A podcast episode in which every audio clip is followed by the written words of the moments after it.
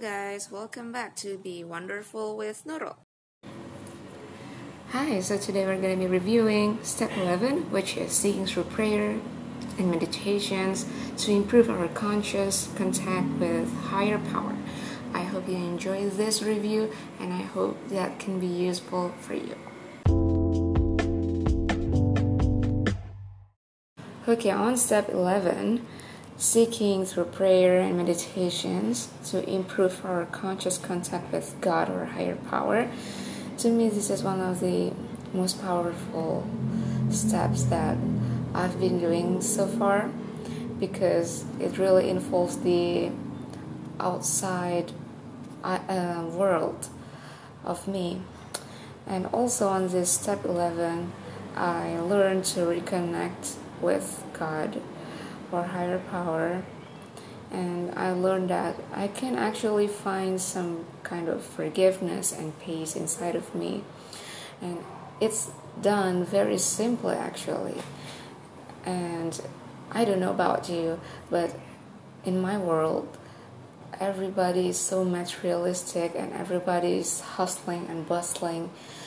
It feels like that world is never stopping in any seconds.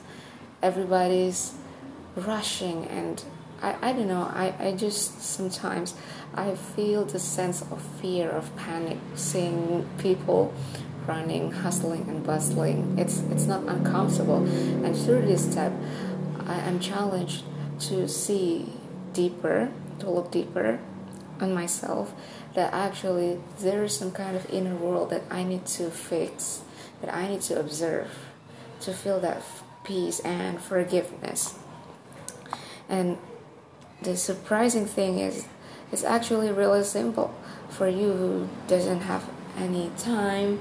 It's actually just takes uh, tops five to ten minutes just to sit down, to observe your thoughts, and also to be real present in the moment.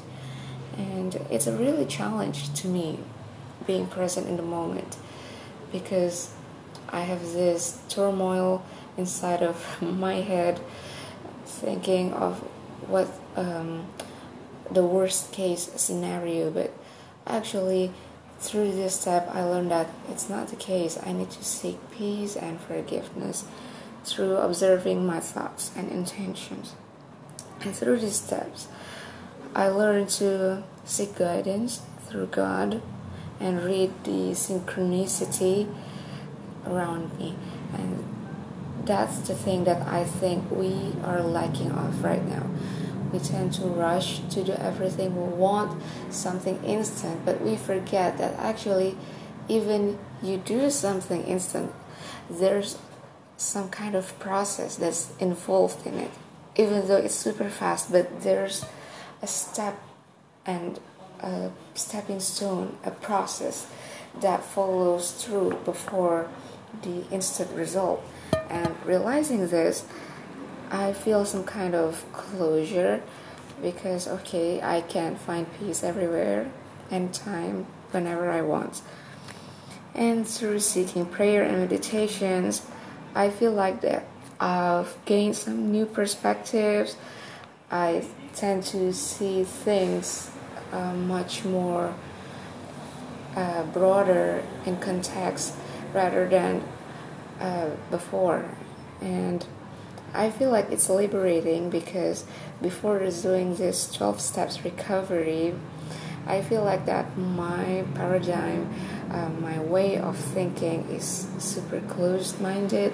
But after I follow through this step one to this step 11, I feel like okay, I got some kind of enlightenment. I don't know about you, maybe you can try this out too, doing this 12 steps recovery, but to me it works really wonderfully because it really helps you to see, okay, that uh, I'm learning something new every day about myself, about everybody around me, and and seeing things in a broader perspective as well. And the beautiful thing about this step 11 is that I can now consult to higher power, aka God, anytime I want, and I seek guidance through it. I seek guidance through it. Okay, sorry for the mispronouncing the words.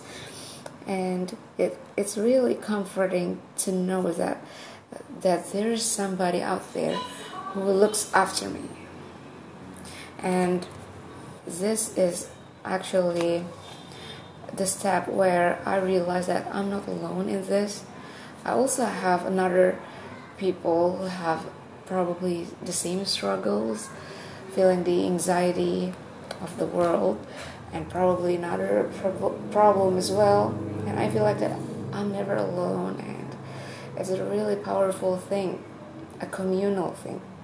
And I hope that you can benefit from my review and my um, I would say my message is that you have to seek peace through either prayer or meditations and learn your thoughts, your intentions, because it really sets your day, it really sets your mind.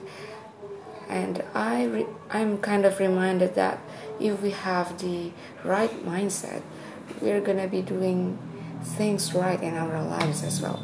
So I hope that's uh, beneficial to you. And next uh, episode, we're gonna be covering of the step 12, which is be service of others, and that's gonna be the last episode of the uh, 12 steps recovery.